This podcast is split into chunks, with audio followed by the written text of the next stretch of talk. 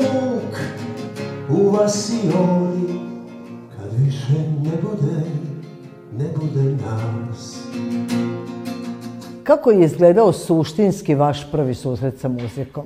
Je li uopšte negde beležite taj trenutak u životu?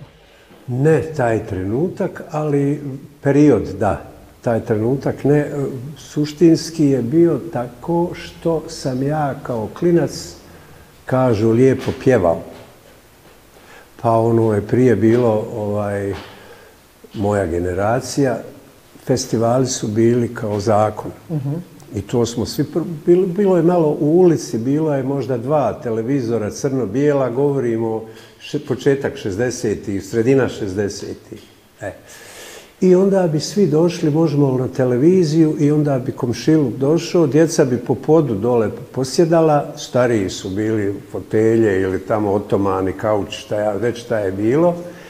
I gledali bi bio zagrebački, opatijski, beogradsko proljeće, kasnije je bilo. Dakle, sve u San Remo, to je cijela ulica, svi smo gledali.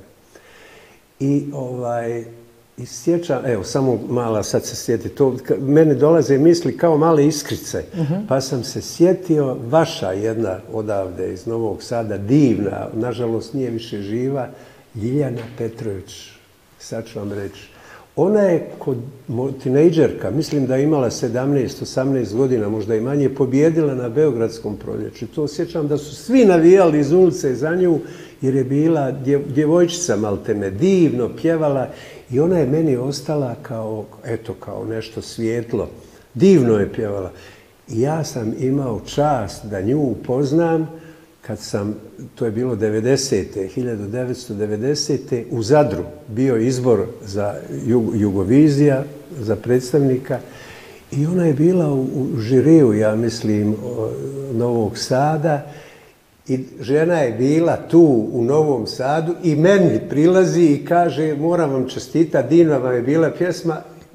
Ja nisam veću nagradu dobio jer sam nju upoznao. I onda sam joj ispričao tu priču koliko je to meni značilo. Dakle, odatle je to sve krenulo kao klinac sam u školi, ono prvi, drugi razred, pa ono nešto, uvijek nekakva takmičenja, nešto, pa sam ja tu pjevao, učiteljica me gurala. Moja učiteljica Ruška Antonijević se zvala, divna. Eto. Je li violina onda stigla? Kasnije je došla violina, prvo sam ja to nešto, i onda je stigla violina, ali kasnije je taj, taj, kako bi rekao, merak za violinu, taj odnos, kad sam zavolio taj instrument, to je bilo već kad sam bio peti, šesti razred muzičke. Onda sam dobivao i fine etide i koncerte počeo svirati i tako dalje. I to mi je bilo lijepo. Onda sam posle uporedo išao srednja gimnazija i šta ja znam. I onda sam prestao, nisam išao na akademiju jer mi je to nekako bilo dovoljno. A počeo sam ono, pošlo rock and roll, curice su tu, sve, zaljubljivanje i šta ću ja s violinom, ne mogu u park izaći s violinom, nego ono, gitara, eto, to je to bilo. Narcisa sam prvi put video tamo početkom 70. godina u emisiji Sarajevske televizije na ti. To sam gledao. Ono, to je svakog ponedeljka išlo, mislim, od 15 do 7 do 7 i 15 pred dnevnika koji je moj otac gledaju.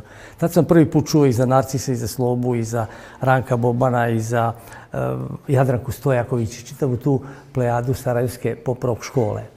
Na, s Narcisom sam konstantno na vezi i kad god mi on pošalje mail, evo moja prva asocijacija na Narcisa je u stvari Duško.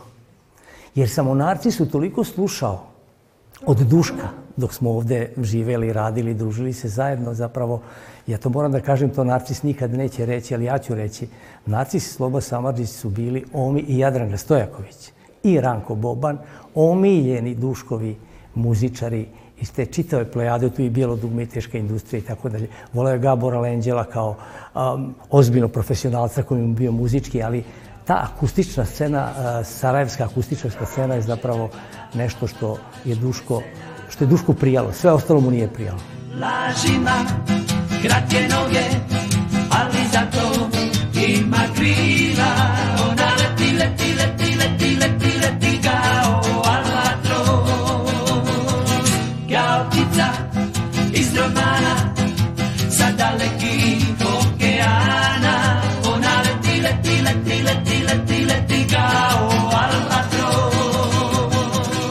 Pretečaj je, po, mislim, kad govorimo o rock and rollu, ta neka sarajevska popork šola, kako se na- nazivala i tako dalje, i mislim da je to pravi naziv, da je to dobro ime. Ovaj, to su krenuli indeksi, sjajni muzičari i kad je, kad je došao Bato Kovač, kad je došao u Sarajevo, da, on je studirao u Sarajevo akademiju i on je sa indeksima radio, dakle to se diglo na jedan veći nivo i to je stvarno bio vrhu, vrhunac. Odlično su, dakle oni su sve povukli. Oni su povukli, ovaj, a mi smo dolazimo iza njih. Dakle, ovaj, u Sarajevu je bilo više, indeksi su bili neprikosnoveni i dan danas smatram da su daleko najkvalitetniji po, po, po sviračkoj nekoj, mada je dugme isto genijalno na svoj način. Oni su napravili čudo u, u Jugoslaviji i kapu skidam, to je nešto, strašno su pomogli i ostalim muzičarima oni. Ovaj, ali indeksi su ekstra, nešto posebno. Onda ovaj, mi dolazi, dakle bilo je, bili su indeksi, bili su kodeksi, to dolazi, to je Goran je svirao, prvo grupa neka se zvala Beštije, Brega. On je tu, pa onda u kodeksima gdje je Bebek svirao ritam gitaru, Bregović bas gitaru, Ismeta Dervos pjevačica bila, dakle to, su, to je ta ekipa, ovaj, kad se otvorio dom mladih u Sarajevu, sve je procvjetalo. Dakle, bilo je mjesta gdje su ljudi mogli vježbati, novi bendovi, bila pozornica, svi smo mogli svirati, nastupati, tako i to je sve. Dakle, ta masovnost je krenula, iz masovnosti se rodio kvalitet. A mi smo došli, kad je došla emisija na ti, onda je Duško uradio nešto što je bilo revolucionarno. Dakle, on je ovako, njegov koncept te emisije bio Svaka emisija koja je išla jednom mjesečno i mislim da je oko 50 minuta trajala, desetak novih pjesama. Svaki mjesec se proizvodilo, snimalo i pisalo a, deset novih pjesama. Dakle, deset novih mladih kompozitora, deset novih mladih izvođača, aranžera i tako dalje, pjesnika. On je davao šansu svima, dakle, pjesnici su tu dolazili Da mladi. se zapravo svi izraze. Dakle, mi smo kao poligon jedan bio, nas muzička produkcija, dakle državna ta, nisu baš puno voljeli, jer mi smo bili kao anarhisti, mi smo bili revolucionari, mi smo skroz iskakali iz koncepta nekog šlagerskog. I mi smo ovaj, kao, kao bili, pa mogu reći, ne dobro došli. Morali smo se izboriti za sve to baš ono mukom. I Dule je stajao iza nas. I Duško je osjetio tu, Duško je uvijek mladima pomagao, prvo mladim pjesnicima, on je imao tu jednu grupu koje je on vukao za sobom, ovaj, tu jednu grupu, kao bio je, bio je Abdullah Sidran, Rajko Nogo, Ahmed Muhamed Imamović, Mu- Mumi, onda je bio Stevan Tontić, dakle ta ekipa i on je njih vukao. Kad je, onda je krenuo s nama, indijancima, on je to kao rokerčić mali. I sad Duško je imao, dobivao od nas tu našu energiju, čistu energiju, nepatvorenu, a on je nama davao znanje. Dakle, to je bio jedan obostrano oslobađanje vaše ličnosti, svega i kreativnosti. Tako da je on dobivao od nas i nama puno davao. I stavio je to, opismenio. Dakle, mi smo proizvodili godišnje, ako računate da je bilo 12, 12 emisija puta 10, to je 120 novih pjesama godišnje. Godišnje. A šlager sezone ili ovo je bio jednom godišnje i skupe 15-16 pjesama i fajrunt, nema dalje, to je sve bilo. Kada je reč o Dušku Trifonu, onda se sjećam jednog jako dragog, dobrog čovjeka, kome sam doživotno zahvalan za ono što sam ja faktički postigao u Sarajevu, jer bez njega ne bi bio taj ko sam. E, tih osam godina provedenih u Sarajevu i u njegovom društvu je za mene značila jedna karijera, jedan totalno novi život, e, jedan drugi svet koji me on uveo. Moj brat svaki dan ustaje u pet do pet i odlazi na posao usput kašlje, usput puši, a usput diše čisti zrak. Vaš prvi susret sa Duškovim stihovima i pesma Čisti zrak. A ja ću vam to odmah reći, to je bilo slučajno. Kući smo svi imali te neke kao biblioteke. Ovo kao građanska klasa je bila baš ono prava i najveća. Naj... I svi smo to i poklanjali se za rođendane, slike, knjige i tako dalje. To su bili pokloni, ja mislim. Ne vjerujem da je danas baš toliko to rašireno, ali eto. Dakle, u kulturu se ulagalo i mi smo imali, ja sad nešto sam čačkao i puno sam ja volio, puno sam čitao kad sam ovaj, odma, od mali nogu, volio sam jednostavno knjigu. I onda kad mi bilo dosadno uvijek bi ja uzeo nešto da čačkam i naiđem, to je bio kao uh, antologija bosansko-hercegovačke knjiže, uh, poezije, izbor napravio Husein Tahmišić, odličan, jedan sjajan isto pjesnik, Duško veliki prijatelj, kasnije sam ga ja upoznao i on je tu stavio razno razne neke pjesme i divni pjesama je bilo i sad ja pogledam i naiđem na pjesmu Čisti zrak i padnem odmah ono na dupe. Ovo mi je bilo mrak. Skroz drugčija pjesma od svega što to, ono, pogodi me. Teška pesma. Divna. I divna. I ja kažem, joj, ovo je za mene. I ja uzmem imao neku gitaricu svoju, ništa malu, tek počeo, ma šperpluča nije ni gitara, nešto. Ja počeo čačkat po tome. Ta pjesma je bila za dva sata gotova. A onda je Duško čuo pjesmu, ali prvo kad je on čuo da, da pjevat pjesmu Čisti zrak, kaže, ma nemoj me zajeba, to se ne može pjevat, kaže, kakvi, gdje to? To je, kaže, ko, ko iz, iz bila no, no, Sarajevsko oslobođenje, ono, Sarajevska hronika, pa izvještaj s pijaci. Kaže, danas je na pijaci bila divna ponuda paprika, kupusa ovoga, onoga, po cijenama vrlo prihvatljivim, a došlo je do pojeftinjenja ili poskupio patliđan lijevo, desno. Eto, to je tako, kaže, to nema metra, nema, nema ništa. Jer ako ma može, evo ja sam napravio. I to je, tako smo se, i ta pjesma je u stvari, Tuško tu je govorio, kaže, ta pjesma je napravila sve. Jer ta pjesma je postala vrlo poznata, slušana. I kaže on, kad je ta pjesma uh, snimljena, i, eto, to, kaže, ušla i u čitanke, do tada je niko nije primjeći, ušla u čitanke, izučavala se na fakultetima, na studijima i tako dalje. Za mene još uvek ostaje nepoznanica kad ste već pomenuli čisti zrak i Albatros, to će sa svi poznavaoci znati, sa Slobodanom Samarićem. Jeste, tako je, tako je. Kako se na singlu nisu našle ove pesme? Gde je se tu došlo do greške? Kako Bile su. Šta se tu Sad ću vam ja reći, mi smo negdje, Slobo i ja smo nastupali, zvali nas kao gosti da nastupimo na Subotičkom. Prije toga sam ja sam nastupao i Slobo da. i pobjedio na Subotičkom, ali posle su nas zvali kao gosti, kažu ono već je slobodni formi, pa su mi divan jedan koncert održali, bio je Aca Pilipenko iz, iz Beograda. I ovaj, to je, zvala se PGP, RTB, čini mi se, ta, tako, tako nešto. Tako e, I on je bio urednik i onda je on posle koncerta rekao, kaže, ajde nešto snimite, ovaj, da napravimo kao neki maxi single, kao nešto. Dobro. Dobro. I mi se zapucamo, otišli u Beograd jednog dana i Sarajeva zaletimo se i oni su nama obezbijedili termin i sve smo mi to snimili.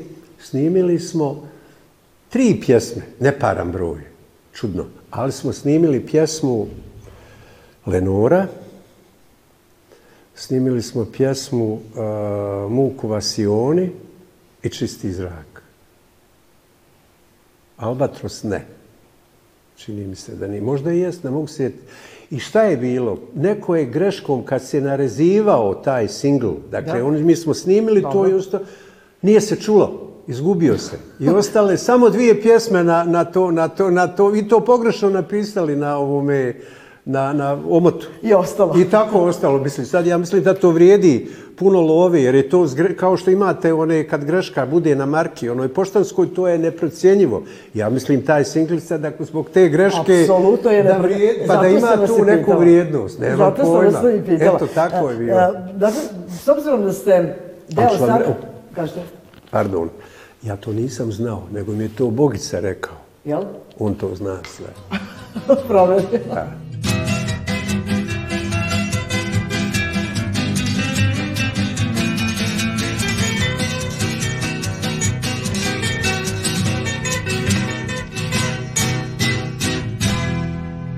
Da. Pomenuli ste već neke ljude sarajevske scene. Nema a, iz ex-Jugoslavije, a sadašnjeg regiona, poznatijeg i kvalitetnijeg muzičara tog doba sa kojim niste sarađivali. Čak i duet sa nekim ko je birao s kim će praviti duete s Arsenom Dedićem, Čola, Brega, je a, Kornelije Kovač, a, Vajta.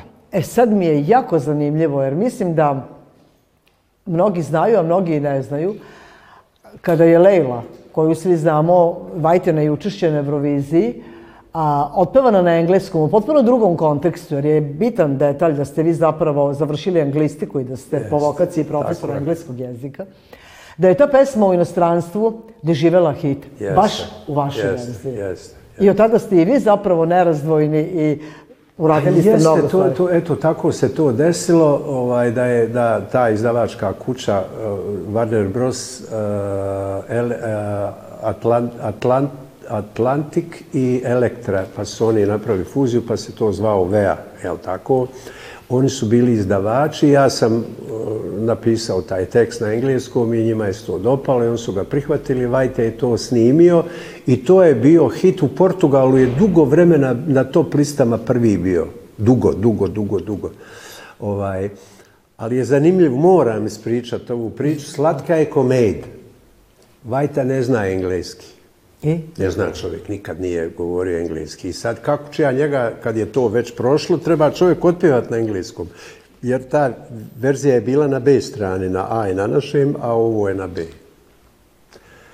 I onda sam ja njemu to nekako kao napisao da on može te šifrice da odgonetne i mi smo vozili Raka Marić je bio tada njima menadžer Ranku i Va- Vajti u stvari.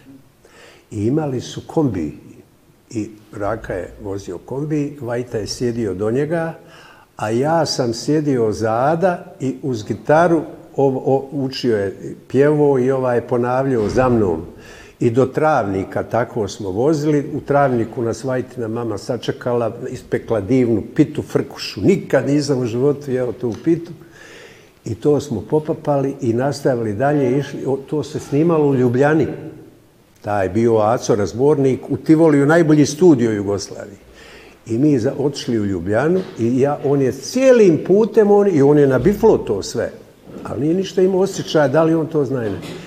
I sad se skupilo tu u Ljubljani, došlo su sve ono predstavnici Jugoslavije, predstavnik Jugoslavije, i sad ne znam ko je izdao ovdje to bla bla bla, svi su tu došli i sad znate kako je to, on se jedan ono trese, kaže kako će ja ovo sad, i sad ja skontam fol, šta će ja uraditi? Oni su otišli svi na ručak i poslije počinje recimo snimanje u četiri popodne ili u pet, nije bitno, šest možda. I sad ja kažem, vajte, nek oni idu, nek jedu, a mi nećemo sad. Nemoj da se prežderavaš prije, prije snimanja, ne valja ti to. Neko, hajmo mi dole dok oni nisu došli, samo da probamo, da vidimo kako će to izgledati. On kaže, odlična ideja. I mi odemo. I Aco sam dole u studiju, i ja Aci kažem, ovaj otišao, metno slušati, bla, bla, bla, ja kažem, Aci, snimaj ga. Ovo nije proba, nego jer on, ako, ja, ako kad on bude znao da se snima, gotovo je, ništa neće znati.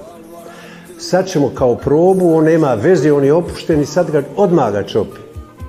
I kaže, Aco, važi. I iz cuga, iz cuga, čovjek, prvi take, ma mrak.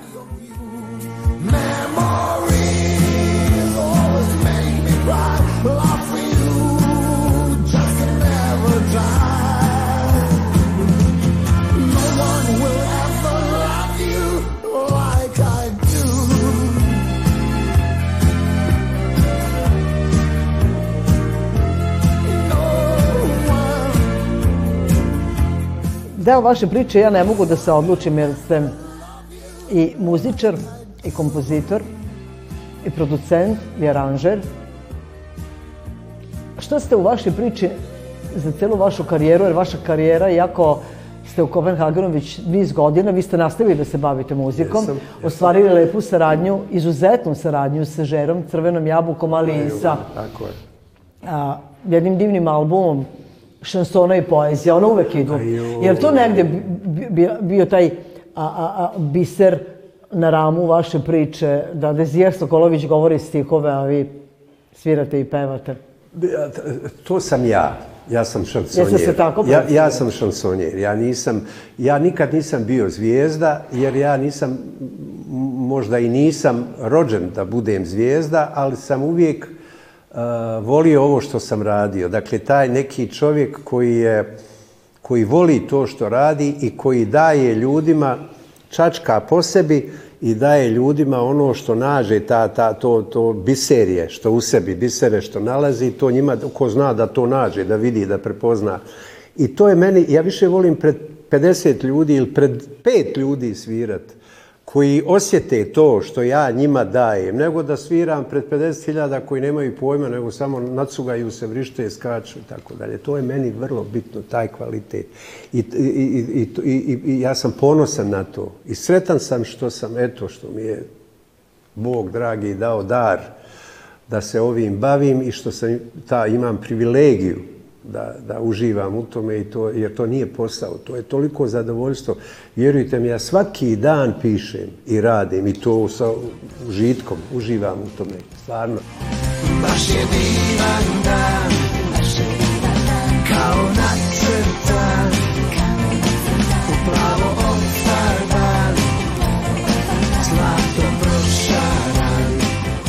Kad se kaže Duško Trifunović i neka široka publika, ja mislim da se može meriti vjerojatno sa milionima, da kažemo makar nekoliko stotina hiljada ljudi i dan danas ovaj, veoma voli i pominje Duška Trifunovića.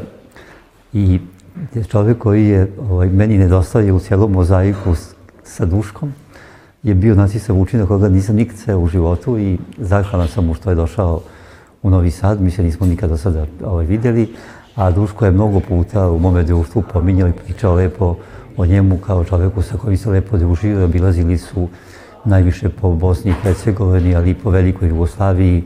Duško imao poetske večeri, a Nacis bi pevao. Ja sam sam bio više puta sa Duškom i Brankom Pražićem na terenu i vidio sam kako publika uživa u tome i kako to voli. Mogu da mislim kako su njih dvojica kad su bili mnogo mlađi, bili šarmantni i zanimljivi publici. Bili ste mnogo u Vojvodini, ali šta je ono, kada kažem Novi Sad, vaša prva asocijacija? Meni je, na, na, na, na, evo, iskreno, Novi Sad je asocijacija uh, jedan kvalitetan grad. Ja sam doživio Novi Sad uh, isto kad sam dolazio s Duškom, govorim sad o mom o nastupima, dakle prezentaciji tog nečega čime se ja bavim zajedno sa Duškom. Puno sam divnog svijeta ovdje upoznao, toplina, i ljudi koji razumiju, koji razumiju ono što, što ja pokušavam da dam tim ljudima i oni to zagrle.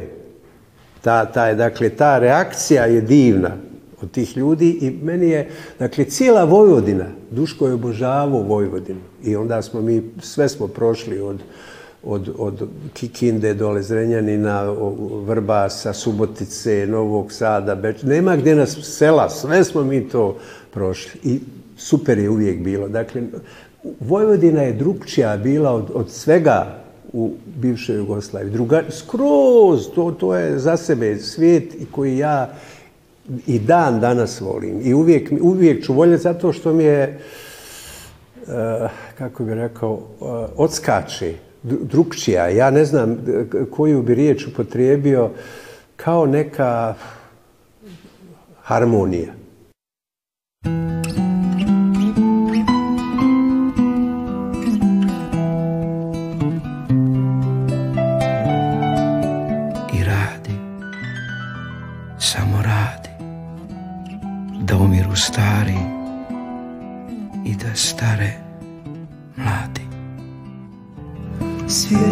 Svijet se dijeli